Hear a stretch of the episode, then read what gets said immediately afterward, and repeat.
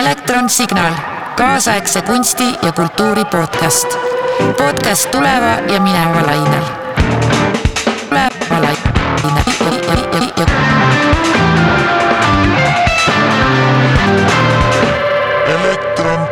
tervist, minu nimi on Taavet Jansen ja täna on meil külas Marten Kaevats. ja mul on tunne, et, et kõik inimesed tunnevad Marten Kaevatsit.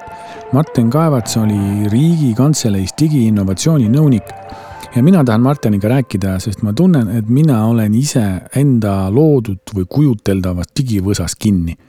mõtlen muudkui digitaalsest kunstist, NFT-dest, kolin etenduskunste internetti ja ma tegelikult tahan saada aru, mis päriselt digitaalses maailmas toimub, millised on suunad ja millised on uued ideed ja kas on üldse digitaalne maailm ja päris maailm. täna me räägime sellest, kuidas mul oli koroonapandeemia alguses nägemus. Siis me räägime natukene, mis saab tulevikus, mis rolli omab digitaalne kunst selles digiriigi arengus. suur vend kindlasti on üks teema, mis mind huvitab X-Room ja loomulikult räägime ka sellest, kes või mis on kratid. tere, Martin. tere, Taavet. Rõõm sind näha siin meie stuudios. hea meel siin olla, teist päeva vaba mehena. vaba mees vabal maal, vabakutseline jah, et äh, olin just äh, siis äh, kuus aastat äh, riigiametnik. et äh, see kogemus on olnud äh, kahtlemata väga mitmekesine ja huvitav ja, ja tegelikult nüüd on ta, hea meel nagu tagasi nii-öelda inimeste hulka jõuda või mis iganes see siis tähendab lõpuks. aga kuidas sa nagu võtad nagu ütleme kolme lausega kokku selle, mida sa, mis see kuus aastat sinu jaoks tähendas? no kolme lausega on see umbes niimoodi, et äh, ma õppisin ära uue keele. ma saan aru akronüümidest nii Tallinnas, Brüsselis kui Genfis. ma saan aru, mida need inimesed räägivad mulle. aga mina ei pea seda keelt rääkima et noh, see on nagu võib-olla kolme lausega. aga, aga natuke pikemalt see on siis see, et tegelikult äh, ma arvan, et valdav osa ühiskonnast ei saa põhimõtteliselt üldse aru, et kuidas see avalik sektor kui selline üldse, see ei, see ei ole tähenduses, et Eesti avalik sektor ilmtingimata, vaid, vaid üldse ütleme, aparaat nagu töötab. ja, ja mis on need nagu niisugused jõud ja stiimulid seal taga, et kuidas, kuidas see masin tööle läheb et äh, ma arvan, nendest asjadest mul sai nagu päris hea ülevaade ja, ja suutsin isegi võib-olla mõelda välja, et kuidas ta tegelikult võiks liikuda. aga sa tahad öelda, et sa nüüd tead, kuidas maailmas asjad käivad või? ei, seda ma ei saa öelda, aga lihtsalt, et see avalik sektor kui selline on nagu sihukene ikkagi üsna nagu spetsiifiliste karvadega loom. et, äh, et mitte, et kuidas maailmas asjad käivad. Äh, aga pigem ma tean seda märksa paremini, kuidas siuksed võib-olla siis Äh, suured ja traditsioonilised äh, organisatsioonid nagu riik äh, või, või mingi muu sarnane asi nagu töötavad, et aga, aga ei, ma ei ole kindel, et ma tean, kuidas maailmas asjad käivad, et ma mõtlen sellist asja, et täna ma, ma tahtsin sinuga rääkida just eelkõige sellepärast, et ma, et sina oled töötanud digi, sina oled töötanud digitaalse Äh, digitaalse maailma loomisega ja isegi Ekspressis siin kutsuti digitaalevangelistiks. ja ma tunnen, et äh, kui meil tavaliselt on nagu mõeldud, et olgu me siin kolmekesi räägime, siis ma mõtlesin, et me vist kahekesi täidame selle eetri nii ära, et meil ei ole kedagi siia nagu segama otseselt vaja. et ka mina tunnen ennast väga tihti digitaalse maailma evangelistina et mul on nagu mingisugused mõtted, mis ma tahaks jagada, aga mul on nad väga spetsiifilised, võib-olla mingisuguses nagu kinni mingisuguses ühes, ühes augus ja sellepärast tahakski väga sinuga rääkida just. et kuidas see laiem pilt ja kuidas maailmas, kuidas see kõik nagu välja näeb. et võib-olla ma alustaks sellega, ma nüüd proovin ennast mitte käima tõmmata, mitte ise nagu kogu aeg, aeg rääkida. aga mul on selline asi, kui tuli koroona me hakkasime hirmsasti kõik rapsima, hupi ja nii ja naa, hakkasime tegema ja siis ühel hetkel mul oli nägemus mul oli, ma nägin nagu täiesti selgelt sellist asja. missugune on elu viie aasta pärast.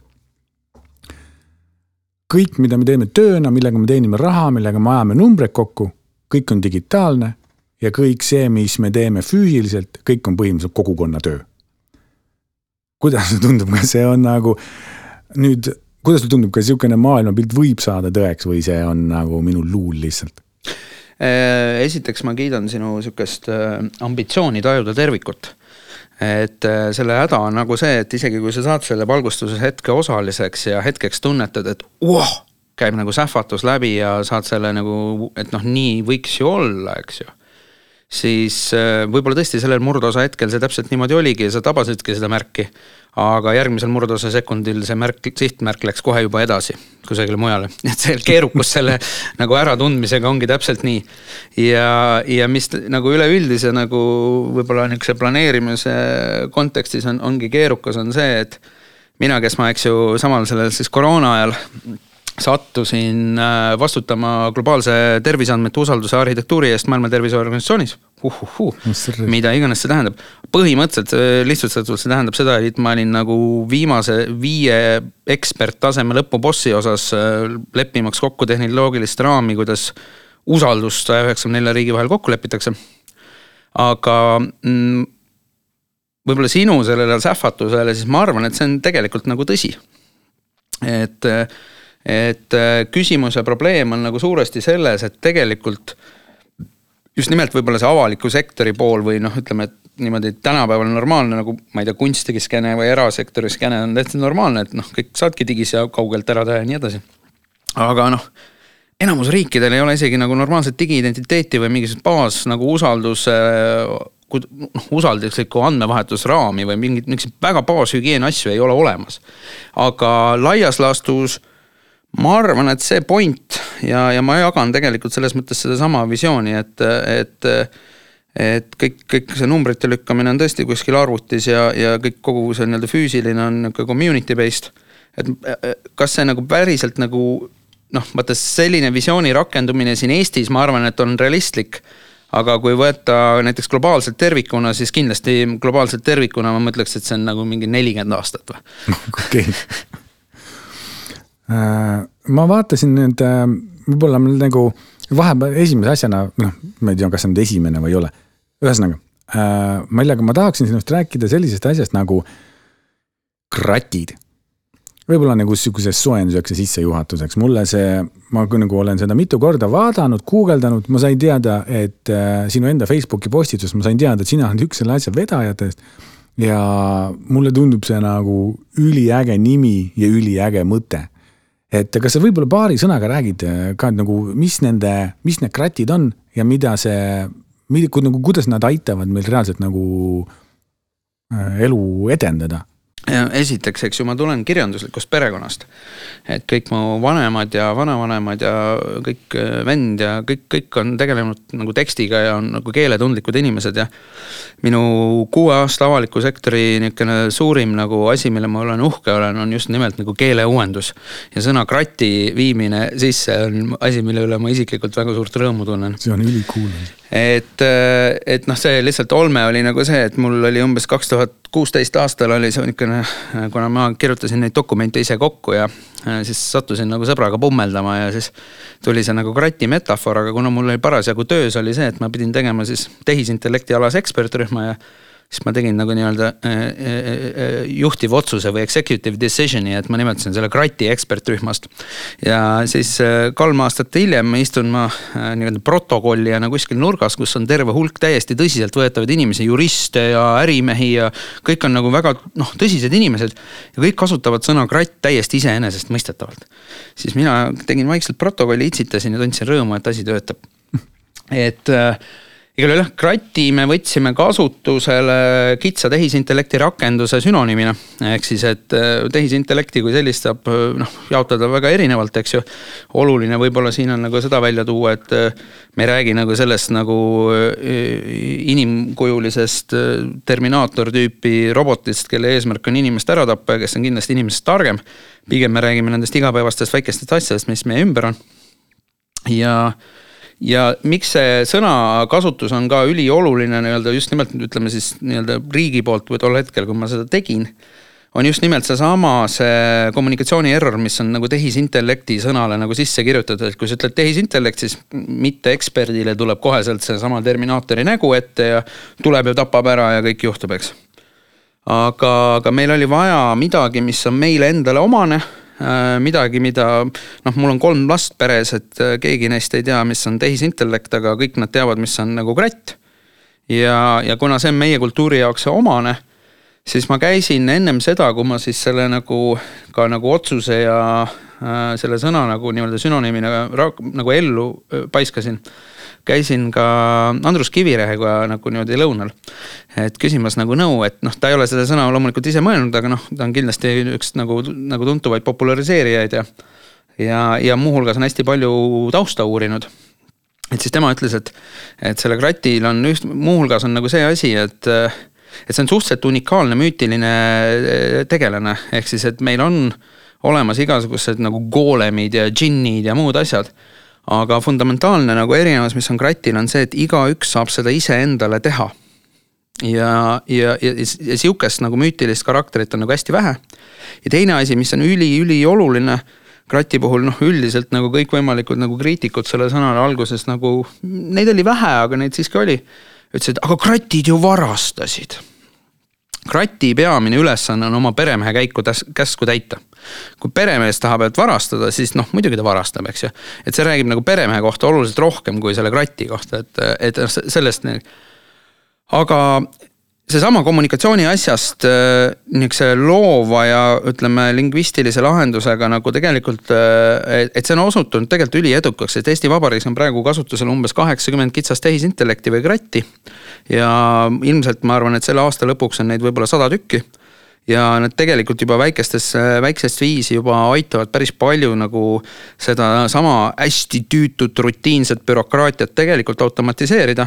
ja teha need asjad kõik palju mugavamaks ja inimese jaoks nagu arusaadavamaks asjaks, et, et noh, see värk nagu ühesõnaga kasvab ja areneb. et kratt on selline väikene software jupp, mida siis saavad inimesed tegelikult äh, kodukalt alla tõmmata ja see koduks oleks ju krati.ee. jah, meil on veel, kusjuures on äh, seal on noh, kogu see krati business läheb nagu koheselt hästi harali.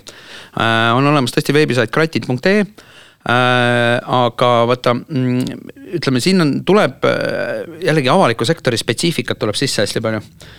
On olemas jah, nüüd meil olemas siuksed nagu taaskasutatavad kratijupid, et mingisugused tööriistad või asjad, mis on võib-olla kasutatavad mingisuguses ühes domeenis, aga tegelikult on kusagil mujal ka, noh näiteks mm -hmm. hästi mhm. keelepõhised tööriistad on üks hea näide nendest, et nagu kui ta ühel pool keele, noh eesti keel on nagu väike, eks. aga, aga neid saab jah alla laadida, aga, aga kindlasti on keeruline ja vajalik seda nagu nii-öelda selle valdkonna andmete peal eraldi veel treenida ja õpetada ümber ja nii edasi. aga, aga teine asi, mis on kindlasti on hästi oluline kogu selle krati business'iga ja üldse avaliku sektoriga on vaata äh,, krati business ei ole päris su tavaline tarkvaraarendus. ehk siis, et äh, see ei ole nagu üks ja null äh, lahendus. see on need hallalad ja tõenäosused ka. ja mis on nüüd avaliku sektoris hästi-hästi spetsiifika, see on nagu asi, millest nagu ütleme, erasektori inimesed põhimõtteliselt ei saagi aru ja üldse inimene tänavalt ei saagi aru. on see, et avalik sektor tegeleb sihukese ilgelt haige mõistega nagu hanked mm. -hmm. ja avaliku sektoris on nagu see, et mis see tähendab, on see, et sa pead selles kuradi fucking hankedokumenti kirjutama nagu mustvalgelt, et seda asja on vaja. eks noh, ja nii tuleb, nii olgu olla, eks. ja nüüd on nagu selle krati värgiga, mis on nagu ülioluline muutus.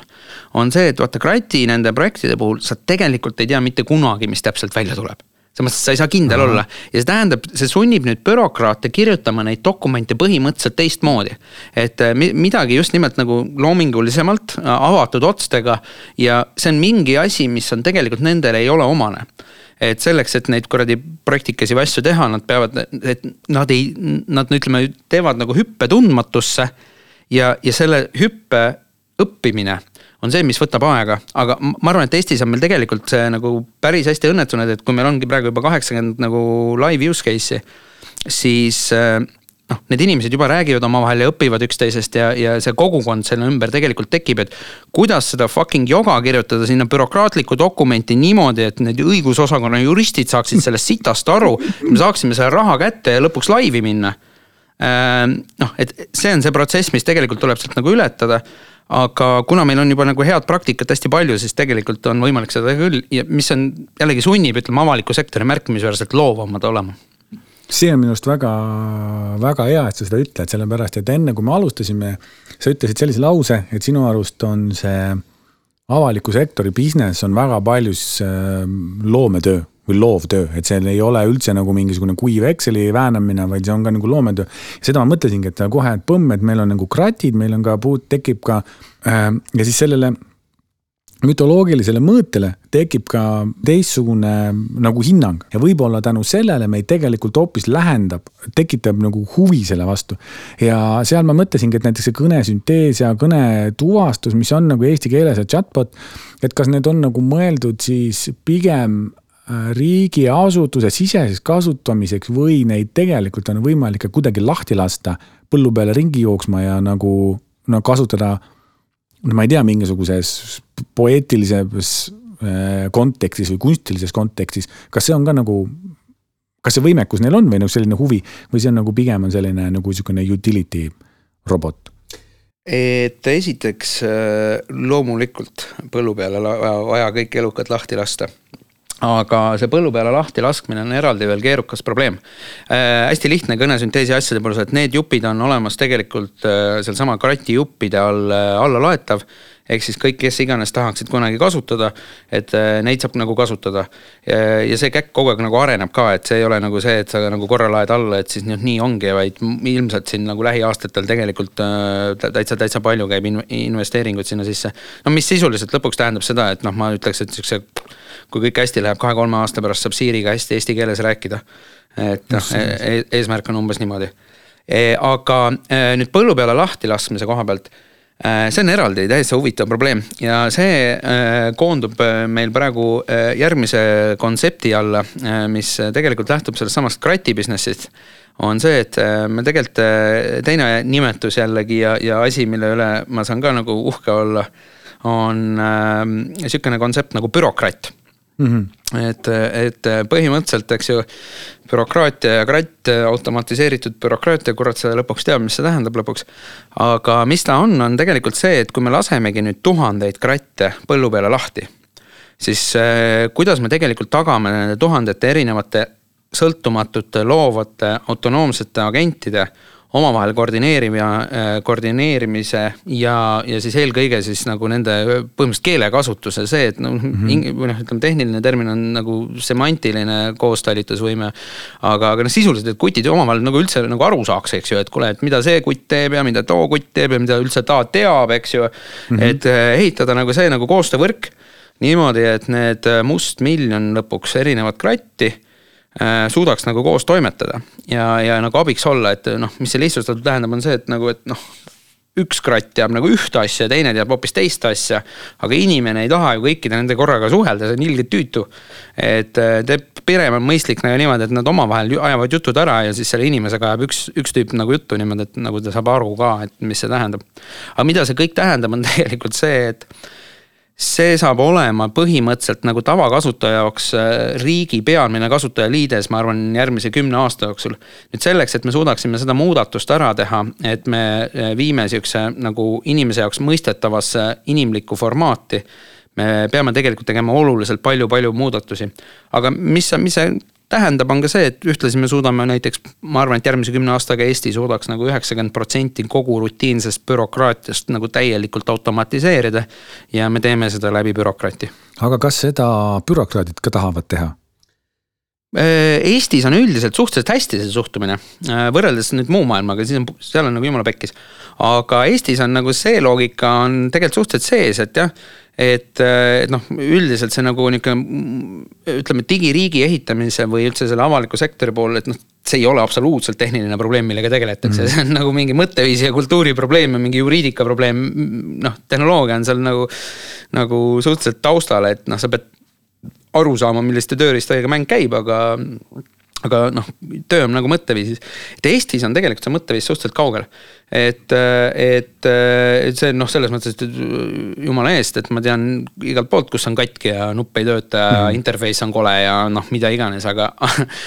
aga nüüd võrreldes äh, muu maailmaga, siis äh, noh, ma ikkagi arvan, et me oleme umbes noh, ütleme keskmisest maailma riigist julgelt nagu kakskümmend aastat ees jätkuvalt ja, ja, ja, ja just eh, ma ei räägi absoluutselt nagu tehnoloogiast, ma räägin ma nagu sellest nagu avaliku sektori mõtteviisist. Eh, just nimelt näiteks selliste asjadega kaasa minna et, et, et noh, kusagil nagu saksa bürokraatidele rääkida, et kuule, et noh, et võiks teha noh, oi kurat, no ma üldse ei jaksa nagu see on nagu nihuke peaga. üks väike kratt teeb su töö ära, tahad? mina mõtlen näiteks sellist asja, miks ma seda küsin kas nagu bürokraadid on ka huvitatud, et huvitav, kuidas üldiselt on nagu avalikus sektoris või noh, kuidas üldse nagu sa noh, sa suhtled kõigest muude hulkraksetega, et kuidas see vibratsioon on, sellepärast et mina näiteks kui me hakkasime elektroniga tööle, eks siis mina nagu äh, pärast seda oma seda valgustust, ma olin kohe nagu automaatselt, ma olin täiesti nagu tõmmatud kaasa või sisse tõmmatud selle, sellesse võimalusse, et nagu digitaalselt äh, teha kunsti, digitaalselt teha etendust, kuidas ehitada online live sündmus ülesse. ja ma olin täiesti nagu blown away sellest, et, äh, et üheksakümnendatest alates nagu seda ei ole, seda keskkonda ei ole arendatud, et kuidas teha laivis, me peame kasutama mingi sotsiaalmeediat, videokonverentsid nagu nii-öelda. et kuidas nagu etenduse keskkonda pole arendatud. Ja mul oli kohe, mul oli sihuke delusion oli, et, et nagu kõik hirmsasti tahavad hakata seda kohe tegema. Sellepärast, et meil on laua taga, seda ei teatud, MIT helistas meile, kuulge äkki Elektron, äkki aitate teha Cannes filmifestival oli meil see, siis on mingis eh, Nükis Photoworks. et eh, nagu, et üle maailma keegi ei teadnud, kuidas seda teha. ja nagu online nagu laivis nagu ägedalt asju ja siis mul oli kohe sihukene nagu mingi oo, äge, Eesti saab olla laua taga ja olla nagu noh, nii-öelda aretamas mingisugust uut formaati. aga see huvi selle vastu ei olnud üldse nii suur ja see oli mulle natukene sihukene pettumus või nagu mulle kuidagi tundus, et see, et uus idee on juba by default selline, et kõik tahavad hirmsasti teha seda tutkit, brat, ma ütleks, et ma sellepärast mõtlesingi, et kuidas sul see digiriigi arendamine, et kas sa nagu sellist nagu nii-öelda visionäär versus noh, nii-öelda sihukene lohisev vanker, kas sa nagu sellise asjaga pidid palju rinda pidama või see ei ole sind eriti häirinud kunagi? Üldjoontes ei ole see mind kunagi häirinud, äh, selles mõttes, et äh, ma olen proovinud nagu iseenda psühholoogilise tasakaalu pealt ja äh, jaoks teinud nagu selle sihukese sisemise otsusega, et ma sitaga ei tegele. et ma üritan tegeleda nagu nende asjadega, mis päriselt nagu maailma nagu edasi viivad ja mis ja inimestega, kes on nagu ägedad. selles mõttes, et just nimelt nagu avalikus sektoris, et noh, kuulge nagu nii lihtne on rääkida, kui katki asi on või nii, kõik kohad on täis seda, et miks, mis selle mõte on nagu. et, et äh, aga äh, teine asi on noh, võib-olla nagu minu peegeldus samasele jutule, mis sina räägid, eks ju, on nagu see, et siin see pandeemia värk ja muud ja äh, siis mm, vastupidi, äh, praegusel hetkel eriti, vaata kontekst on ikkagi see, et me räägime, ütleme digiriigi kontekstis me ei räägi, me räägime väga baaselementaarasjadest. me ei räägi üldse keerulistest mhm. mõtetest, eks ju. et noh, me räägime sellest, et sul võiks nagu digiidentiteet olla ja no nii edasi, eks ju, noh, Eesti vana jutt, eks ju, ja lihtne meie jaoks nagu vaistlikult mõistetav. noh, mujal see ei ole üldse vaistlikult mõistetav et äh, minu jaoks on olnud tegelikult see nagu äh, noh, ma olen, eks ju, kuus aastat selle nagu laineharjal surfanud ja nüüd, kui see pandeemia tuli sisse, siit muutus nagu sihukeseks ikkagi korralikuks tsunamiks, sellepärast et olgugi, et ma olin ennem sada seitsekümmend lendu aastas ja nüüd ma olen nagu nulli peal olnud tükk aega siis äh, kogu see nihuke globaalne nõudlus just nimelt sihukeste tegelikult väga baasasjade, mille, millest noh, Eesti riik on siin ammu rääkinud, eks ju.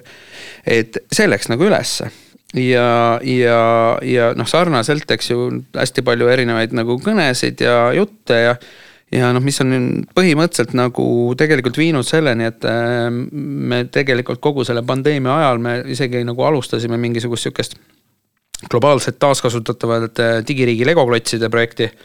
Äh, mille noh, laias laastus eesmärk ongi, et me ehitame nagu arhitektuuri saja üheksakümne neljale liigile korraga, et see on nagu sihuke mission impossible aga noh, tegelikult see mõte ei ole ju midagi uut, et küsimus on lihtsalt selles, et noh, saad küll Lego klotsideks teha.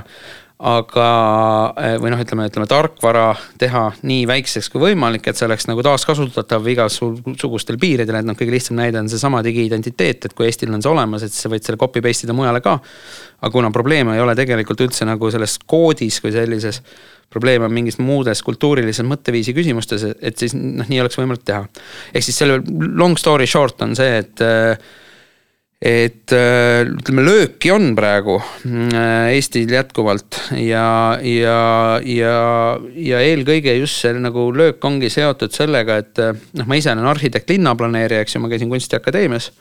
et see noh, ongi põhimõtteliselt on see sihukese nagu, et vaata üldiselt on nähtud seda digimaailma sellise asjaga, et mingid kuradi patsiga poisid kusagil keldris menetlevad seda sitta äh, noh, tegelikult tuleks nagu, nagu aru saada, et ütleme, patsiga poisid tavapäraselt on ikkagi nagu nimetatakse insenerideks neist. et äh, inseneeria on äärmiselt tähtis, aga meil on siiski rohkem arhitekte vaja. sellepärast, et äh, see meie ümbritsev maailma komplekssus ja keerukus läheb nagu astmesse ja arhitekti peamine töö ja ülesanne on seda nagu komplekssust proovida mingitesse arusaadavatesse inimesele nagu mõistetavatesse abstraktsiooni tasemestesse viimine niimoodi, et, et selle elluviimine on võimalik, et üks väga hea lihtne näide on nagu selle kohta on see, et kui, mis see oli mingi kuue-seitsmekümnendatel USA mingi sõjatööstused ehitas mingisugust suurt hävituslennukit. noh, kõige kuradi püssimat äh, lennukit, noh hiljem sai sellest vist F kolmkümmend viis Raptor Äh, et äh, siis, kui nad alustasid seda projekti, et noh, tuli ülesanne sisse, et noh, kuule, teeme nüüd selle kõige ägedama kuradi lennuki, mis üldse maailmas vähegi võimalik on. siis nagu kutid nagu veits nagu mõtlesid ja arutasid ja nagu tuli välja, et noh, nad mõtlesid, et kui nad jätkavad oma tööd selliselt, nagu nad alati on teinud siis kogu USA sõjatööstuskompleksil, eks ju, noh, mingi aeg tagasi USA nagu sõjaeelarve või, või, või noh, oli umbes nagu kaks korda rohkem kui kogu ülejäänud maailma eelarve sõjaarmeedele kokku, eks ju. et noh, nad on nagu kõige rikkamad. siis äh, nad tegid kiire arvutuse, et aastal, see oli kuue-seitsmekümnendatel, et kui nad niimoodi jätkavad, siis äh, aastal kaks tuhat nad, neil on ainult raha ehitada üks sõjalennuk lihtsalt selle tõttu, et kõikide nende asjade jubinate hind läheb nii ülesse ja nad peavad põhimõtteliselt teistmoodi lähenema ja noh, mis nad tegid, oli see, et nad võtsid süsteemi arhitektid pardale, kes suutsid sellesama asja ära lihtsustada. ja noh, nüüd neil on, eks ju, rohkem lennukeid. aga lihtsalt, miks ma seda räägin, on see, et seesama asi on tegelikult avalikus sektoris toimumas. et see niisugune back-end või, või niisugune inimesele või kodanikule mittenähtav keerukus läheb nagu astmesse ja selleks, et me suudaksime neid nagu protsesse nagu ära hallata, meil on tegelikult vaja noh, teist, fundamentaalselt teistmoodi lähenemist mm. -hmm. tahtsingi võib-olla korraks tagasi hüpata sinna, et kui sa räägid nendest Lego klotsidest, siis selline asi, kui nagu arendatakse, insenerid arendavad back-end'i ja neid Lego klotse, et siis kuidas sulle tundub, et äh, missugune, see ongi rohkem sihukene, ma ei tea, äh, võib-olla konkreetse adressaadita küsimusega nagu mis mind nagu kütab veidikene üles, on see, et, et kuhu kunst seal sees paigutub. et praegust, et kui käib selline Lego klotside arendamine mul on tunne, et, et selles mõttes, et see future on digital, on ju. ja kuidas siis me nagu ehitame seda üles ja samal ajal kunst mängib ennast ise välja sealt, ütleb, et nagu meid see ei huvita, meie tahame siin koos ühes toas üksteisele otsa vaadata. mis on kihvt ja mis on kindlasti nagu nii-öelda tribaalses mõttes nagu üliäge, aga samal ajal kunstiline mõte seal vahel, et nagu samamoodi, et noh, siin nagu sinu enda mingisugune lennukad ideed ja loomingulised lahendused ju tegelikult selles masinavärgis seda ei saa teha ainult ju nagu insenerid ja bürokraadid, vaid selles mõttes niisugune loomingulisus on seal nagunii jah, aga, aga, aga see tegelikult ongi seesama asi, et vaata, eh, kui on hunnik neid legoklotse olemas, siis see kunst ja loovus on nende kokkupanemine. et, et need legoklotsid on ju tööriistad põhimõtteliselt, on ta siis nagu värvipott või pintsel või mutter või polt või kuradi davott mis iganes, eks ju. et äh, need Lego klotsid ongi tööriistad, see on nüüd viis, kuidas sa seda ise kokku paned see ongi nagu loovuse koht. ehk siis, et jah, siin on kindlasti, et mingisugused bürokraadid ja blablabla teevad nagu siuksed nagu streamlined, väga optimaalsed protsessid. aga see ei tähenda, et see, et, et, et see on tegelikult need tööriistad, mis annavadki, ütleme. noh, ütleme selle arhitektuuri all mina peangi silmas nagu loovat lähenemist. et see on nagu see fundamentaalne erinevus, et, et et noh, arhitektina sul on alati on mingisugune lähteülemus, ülesanne, mingi kontekst, mingi ruum, eh, mingid inimesed, mingid nagu elemendid, eks ju. et noh, ütleme hästi lihtsalt analoogmaailmaga võrreldes, eks ju põrandad, seinad, uksed, aknad, laed, noh, need asjad on ammu leiutatud, eks ju, et selles mõttes, et siin nagu kontseptuaalselt ei ole mitte midagi uut nagu tükk aega tehtud, eks ju aga see viis, kuidas sa nagu kokku paned neid asju, et seal on nagu hästi palju erinevaid võimalusi, on osad kutid, kes oskavad seda väga hästi ja teised jälle, kes ei oska, eks ju. ja kui me nüüd vaatame nagu avalikku sektorit, siis see, mis on juhtunud, on see, et meil on see traditsiooniline, hierarhiline, hästi bürokraatlik organisatsioon. Noh, mis on hullult kinni oma asjas, eks ju. Siis äh, see, mida digiasjad on tegemas, on, ta on nagu fundamentaalselt muutmas seda organisatsiooni enda nagu koos püsimist ja, ja see, kuidas see toime, töötab ja toimetab. Ja, aga lihtsalt, et jällegi sama võrdlus nagu selle arhitektuuriga, et ütleme, need elemendid, äh, millega töö käib, on samasugused, et ütleme, ma ei tea, õigusrühm on, ma ei tea, vundament ja põrand mm, -hmm. eks ju. Mhm. sul on mingisugused kuradi ma noh, e, need ütleme, need seinad, põrandad ja aknad on avalikus sektoris on võib-olla nagu erinevad asjad. aga see viis, kuidas sa seda ise kokku paneb, on tegelikult fundamentaalselt loovtöö et, et noh, iga tippjuht teab seda, et äh, lõpuks ükskõik kui, mis iganes oled sa maksuameti või, või statistikaameti peadirektor, eks ju, et äh, tegelikult see on nagu äärmiselt loov töö, kuidas sa selle nagu meeskonna kokku paned ja, ja kuidas sa tegelikult suudad selle asja nagu järgmisele kvalitatiivsele tasemele viia. üks kõige parem tagasiside, mis või nagu huvitav sihuke filosoofiline mõte on, üks Eesti kutt on äh, kogu NATO autonoomsete relva uuringurühma juht noh, mis on päris nagu tase, eks ju, et, et, et, et, et mina hakkan ka olema nüüd äh, globaalse autonoomsete relva eetika äh, mingisuguse rühma äh, mingisugune liige. aga igal juhul see kutt, kes on, eks ju, sõjaväe taustaga, mm, noh, mina olen, eks ju, kunstiülikool, eks ju, tema on sõjavägi, siis rääkis, et isegi NATO-s on nagu aru saadud, et, et noh, see, kuidas tema ütles seda, et võidab see organisatsioon, kelle käsuahel on kõige lühem mina nagu võtaks sellest sõjaväe kontekstist välja, et võidab see organisatsioon, kelle sõnumiahel on kõige lühem hmm.. ehk siis, et äh, küsimus on hästi lihtne, et äh, seda tüüpi suured aeglaselt liikuvad hierarhilised organisatsioonid ei ole põhimõtteliselt enam jätkusuutlikud. seal ei ole absoluutselt küsimus mingisuguses ideoloogilises maailmavaates, küsimus on puhtalt nagu pragmaatikas. et kui me vaatame nagu seda, et noh, näiteks see Covidi näide, eks ju järsku kõik pidid oma mingisuguseid asju muutma mm, -hmm. kõik kolisid tuppa ja noh, ütleme kõik. meil oli siin isegi hästi, et me saame siin, ma ei tea, noh asju teha ikkagi digis. aga noh, mujal maailmas oli ikka suht pekkis. et sedasorti nagu suuri muudatusi, eh, mis, mis noh no,, ütleme, et on see siis nagu aurumasin, on see Covid või on see siis, ma ei tea, nutitelefon või on see Uber. Eh, eks ju, nende, neid hakkab tulema aina rohkem ja rohkem ja rohkem ja rohkem ja nüüd keerukus ongi selles, et me tegelikult ei suuda välja kalkuleerida, et mida see tulevik toob, sellepärast et neid muutuvaid elemente ja tegureid seal on lihtsalt liiga palju. ja ainuke asi, mida me tegelikult saame teha, on siis ehitada sihukest nagu ma ei tea, mis iganes kohanemisvõimelist kogukonda. Äh, ja noh, sisuliselt minu töö viimase kuue aasta jooksul ongi sellesama kogukonna tööriistade ehitamine selleks mm, -hmm. et meil oleks üldse see tööriistakast olemas, et me jääksime selles suures muutuste virvarris kuidagi ellu. minu arust on see ka oluline nagu tänapäeva kunstnikele just, et kuidas äh, noh, positsioneerida ennast tuleviku maailma. et praegust mulle tundub, et paljudel meist on ikka veel delusion, et see kohe, kohe lõpeb Covid ära ja kõik läheb tagasi nii nagu enne oli. minul endal on suur nagu skepsis selle suhtes ja sellepärast mõtlengi, et aga kuidas ta siis nagu, kas kunstihariduses või see, kas seal peaks olema juba ettevalmistus mingisuguseks siis selleks ajaks, kui see tööriistakast on valmis või need või see, või see sinu arust ei ole oluline, et see peaks hakkama siis, kui need tööriistad on välja aretatud, et siis inimesed hakkavad õppima neid kasutama või see peaks nagu see arendamine peaks koos käima? vaata, see on üks asi, millest ma vaatan nagu juba teistmoodi, et sa ütlesid, on kunstiharidus, et oo, oo, et pigem see peaks olema teistmoodi, et ma ütleks, et, et või no kind of võib-olla, et point oleks nagu see, et sellist loovmõtlemist peaks nagu laiemal publikuni jõudma, eks ju. aga laiast, teistpidi on nagu point jällegi selles, et tööriistad peavad olema, vaata noh sina, eks ju, kes sa tegeled, noh, nii palju, kui ma olen nagu näinud ja kuulnud, noh, et sa tegeled sihukese nagu eksperimentaalsema nagu testimise, proovimise asjadega, mingi sihuke, sihuke niši tööriistadega ilmselt selles vallas ka.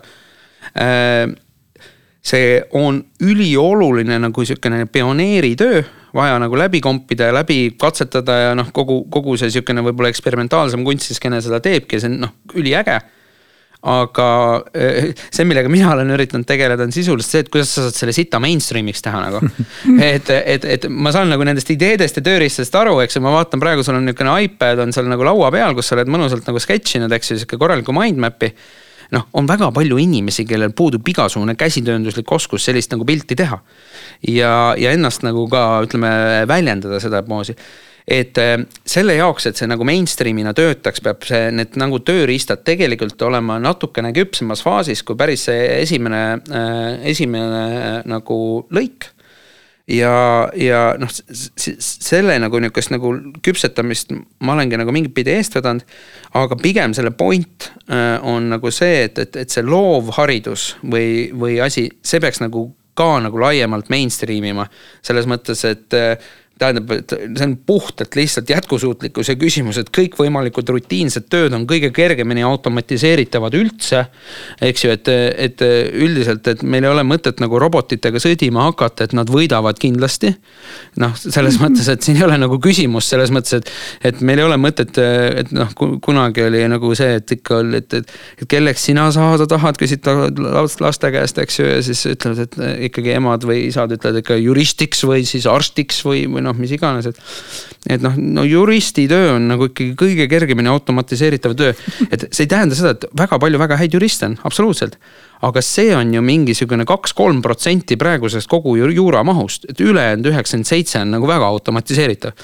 et ja hästi paljudes töödes samamoodi mis tähendab sisuliselt seda, et see on ikka klassikaline loovmõtlemine või, või ütleme noh, teistpidi saab öelda seda noh, ütleme erinevaid sõnu on ütleme mina, minu jaoks hästi oluline on üleüldine nagu sihuke komplekssüsteemi analüüs. et nagu keerukatest ja pidevalt muutuvatest olukordadest nagu, nagu aru saada ja selles kontekstis nagu üritada ka mida iganes siis iseennast väljendada või midagi teha, et see on see peamine oskus et, et, et pigem on nagu see, et mitte, et loovharidus ise peaks muutuma, vaid las loovharidus teeb, mida ta teeb, pigem see asi peaks nagu oluliselt laiemalt ühiskondlikku kõlapinda saama.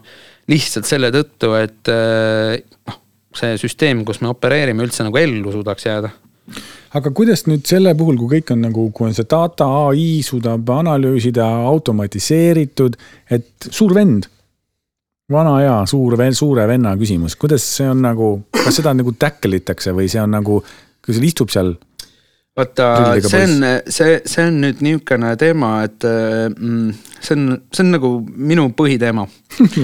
Et, et suure venna teema on niimoodi, et see on hästi naljakas, et, et meie, kes me istume siin nagu Kopli tänaval hetkel ja, ja üldiselt nagu, üldiselt nagu ei tea meediast jookseb läbi sihuke asi, et äh, ma ei tea, et üks on see, et, et äh, käib siuksed meemid käivad läbi, et üks on digitiiger magab, eks ju. siis teine asi on see, et aga meil on hea digikuvand välismaal. noh, mingid siuksed mõttevälgatused, mis mõnele tähendavad, mõnele, mõnele ei tähenda midagi, eks ju. mina olen nagu kuus aastat, nagu ma enne mainisin, surfanud nagu selle laine peal ja, ja siis äh, nüüd, kui üritades nagu hästi kiirelt seda suhteliselt keerulist suure venna temaatikat kokku võtta, siis hästi lihtsustatult maailm praegu koosneb niimoodi. meil on ida pool, on äh, Hiina, eks ju, Hiina on, eks ju, see, et äh, andmed juhitakse keskselt, arhitektuur on tsentraalne ja andmed on omatud riigi poolt. suur vend, suhteliselt noh, kõik saavad aru, eks ju, suur vend äh,. hästi lihtne seletada, eks ju, noh, nii on, eks me vaatame lääne poole, seal on nagu Ameerika Ühendriigid, seal on nagu niisugune mina, mina nimetan nagu veidi detsentraalne arhitektuur, aga eraettevõtted, eks ju, omavad andmeid. Äh, suur vend jällegi, noh. ja need on nüüd praegu maailmas, eks ju äh,, valitsevad niisugused andmevalitsemismudelid või data governance models. et, et noh, need on nagu domineerivad mudelid, eks ju, mille vahel ja siis nüüd hästi oluline, et äh, Euroopa Liit Äh, on GDPR, igasugused asjad on, eks ju, vaikselt-vaikselt liigub sihukese inimkesksema, ütleme suurt venda välistada prooviva mudeli poole, aga noh, kurat, EU on ikka aeglane nagu ka. et miks Eesti tegelikult on äh, maailma globaalne tipp ja nagu ma ennem ütlesin, kakskümmend aastat ees on see, et, et just nimelt selle suure venna vältimise äh, jaoks on tegelikult Eesti seesama avaliku sektori kultuur, õigusruum, tehnoloogiline rakendus äh, maailmas kõige kaugemale arenenud. ehk siis, et kui me tahame nüüd teha niisugused paar filosoofilist jõnksu, siis me mõtleme nüüd mm, äh, edasi, eks ju, et umbes kahe, ütleme viieteist, kahekümne aasta pärast kogu see krati business ja tehisintellekt areneb täpselt nii kaugele, et äh, noh, praegust mudelit vaadates on inimestel kaks valikut, kas nende mõtteid kontrollib ise Hiina riik Äh, suhteliselt tõenäoline mudel. Äh, või kui on see mingi Ameerika ettevõte. ja mõtete kontroll on nagu täpselt see, et see on niimoodi, et ükskõik kui kuradi loov kunstiinimene sa isegi oled äh,. ikka ta pakub sulle täpselt sinu jaoks olu-, siukseid lahendusi, mis sulle just sellel hetkel sobivad, sest lõppude lõpuks oled sa ju inimene. aga, aga nüüd selleks ongi see Eesti lugu tegelikult ülioluline ja see on see, mis tegelikult Eesti sellesama digiriiginduse suureks teeb. et äh, ma väidan, et me oleme maailmas kõige kaugele arenenud, noh, ma ise kutsun seda väikse vennaga riigiks selles mõttes, et meil väikse venna erinevus on see, et sa saad talle pasunasse sõita, kui sa tahad, eks ju.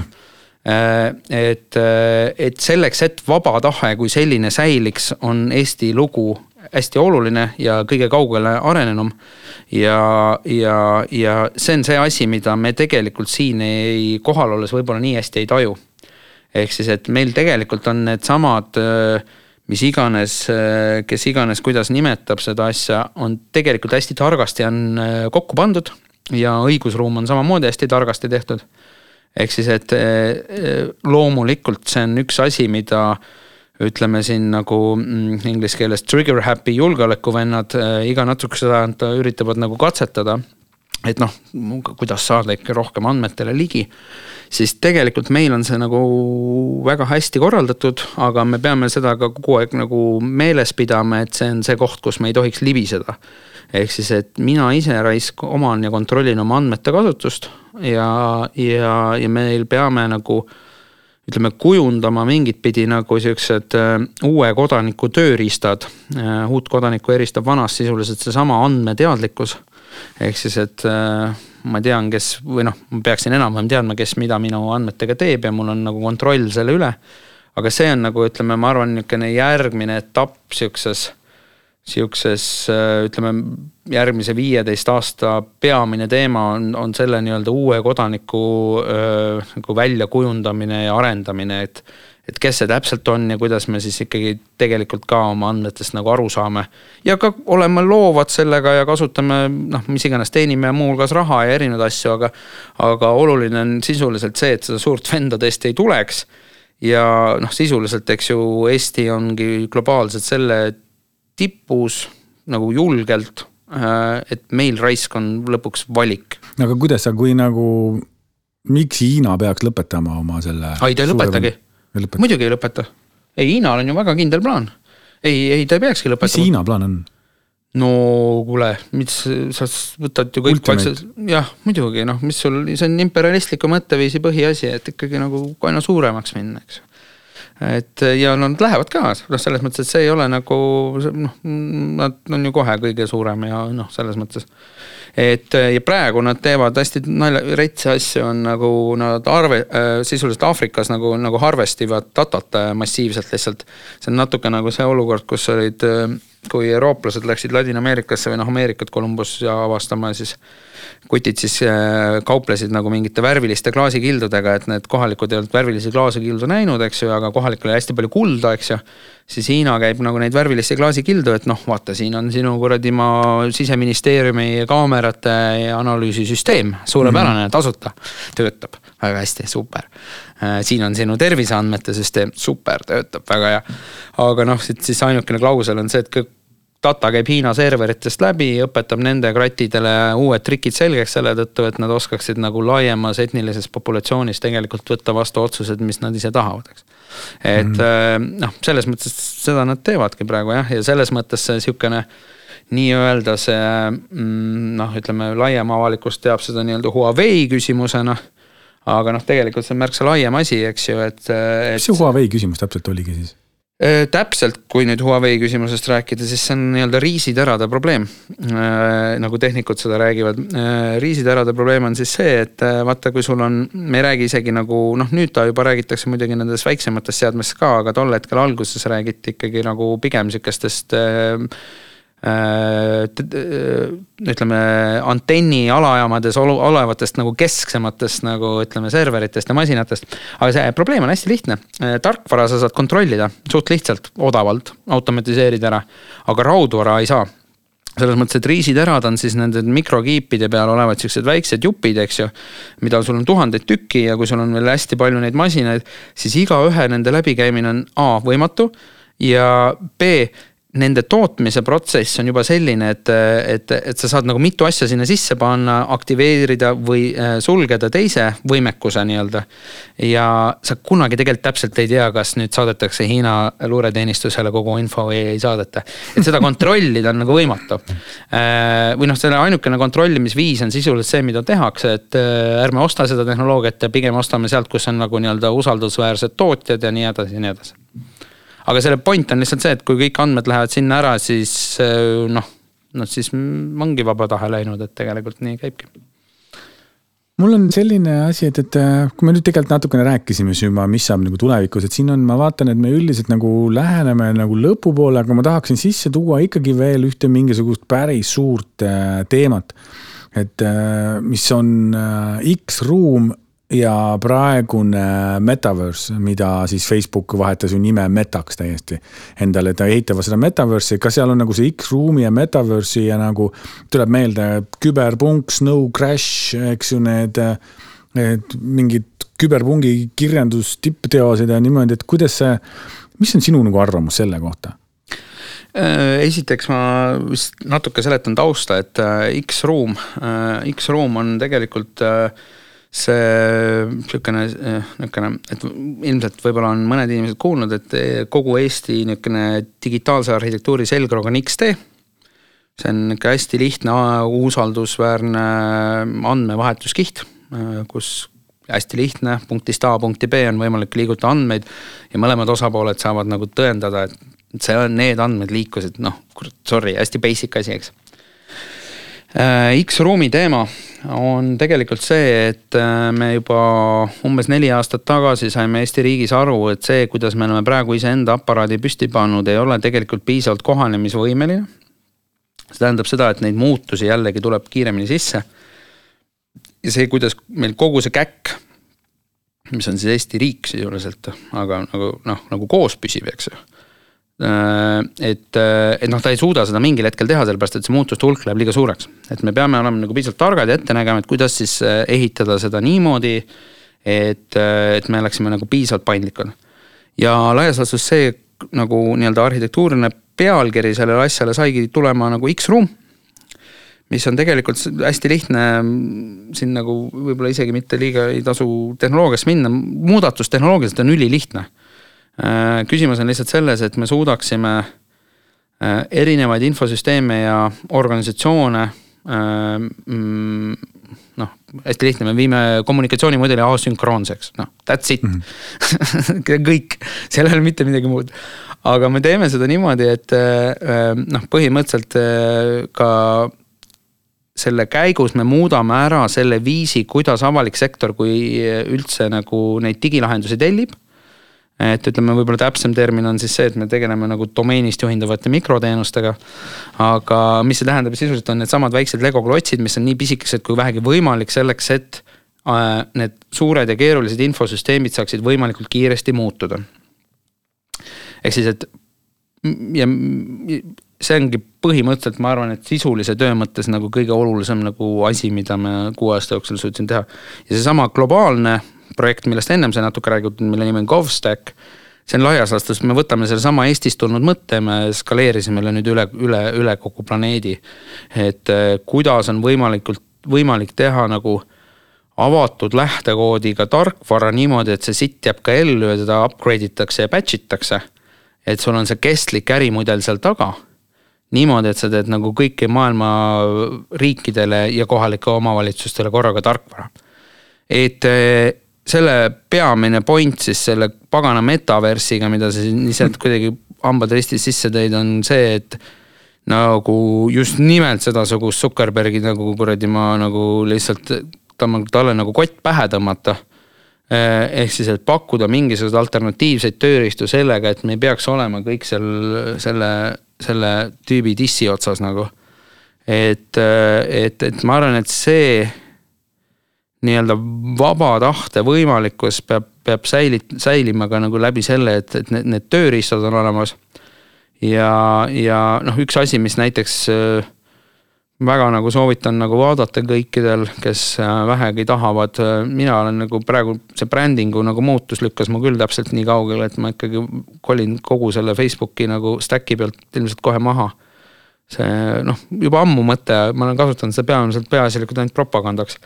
selle jaoks on ta jube hea, aga aga soovitan vaadata sihukest asja nagu matrix.org. Äh, see on sihukene protokoll, mis võimaldab nagu noh, niimoodi, see on põhimõtteliselt nagu signaali protokoll steroidide peale lükatud ja võimaldab igasuguseid trikke teha ja see sitt on nagu open source ja areneb hästi kiiresti ka.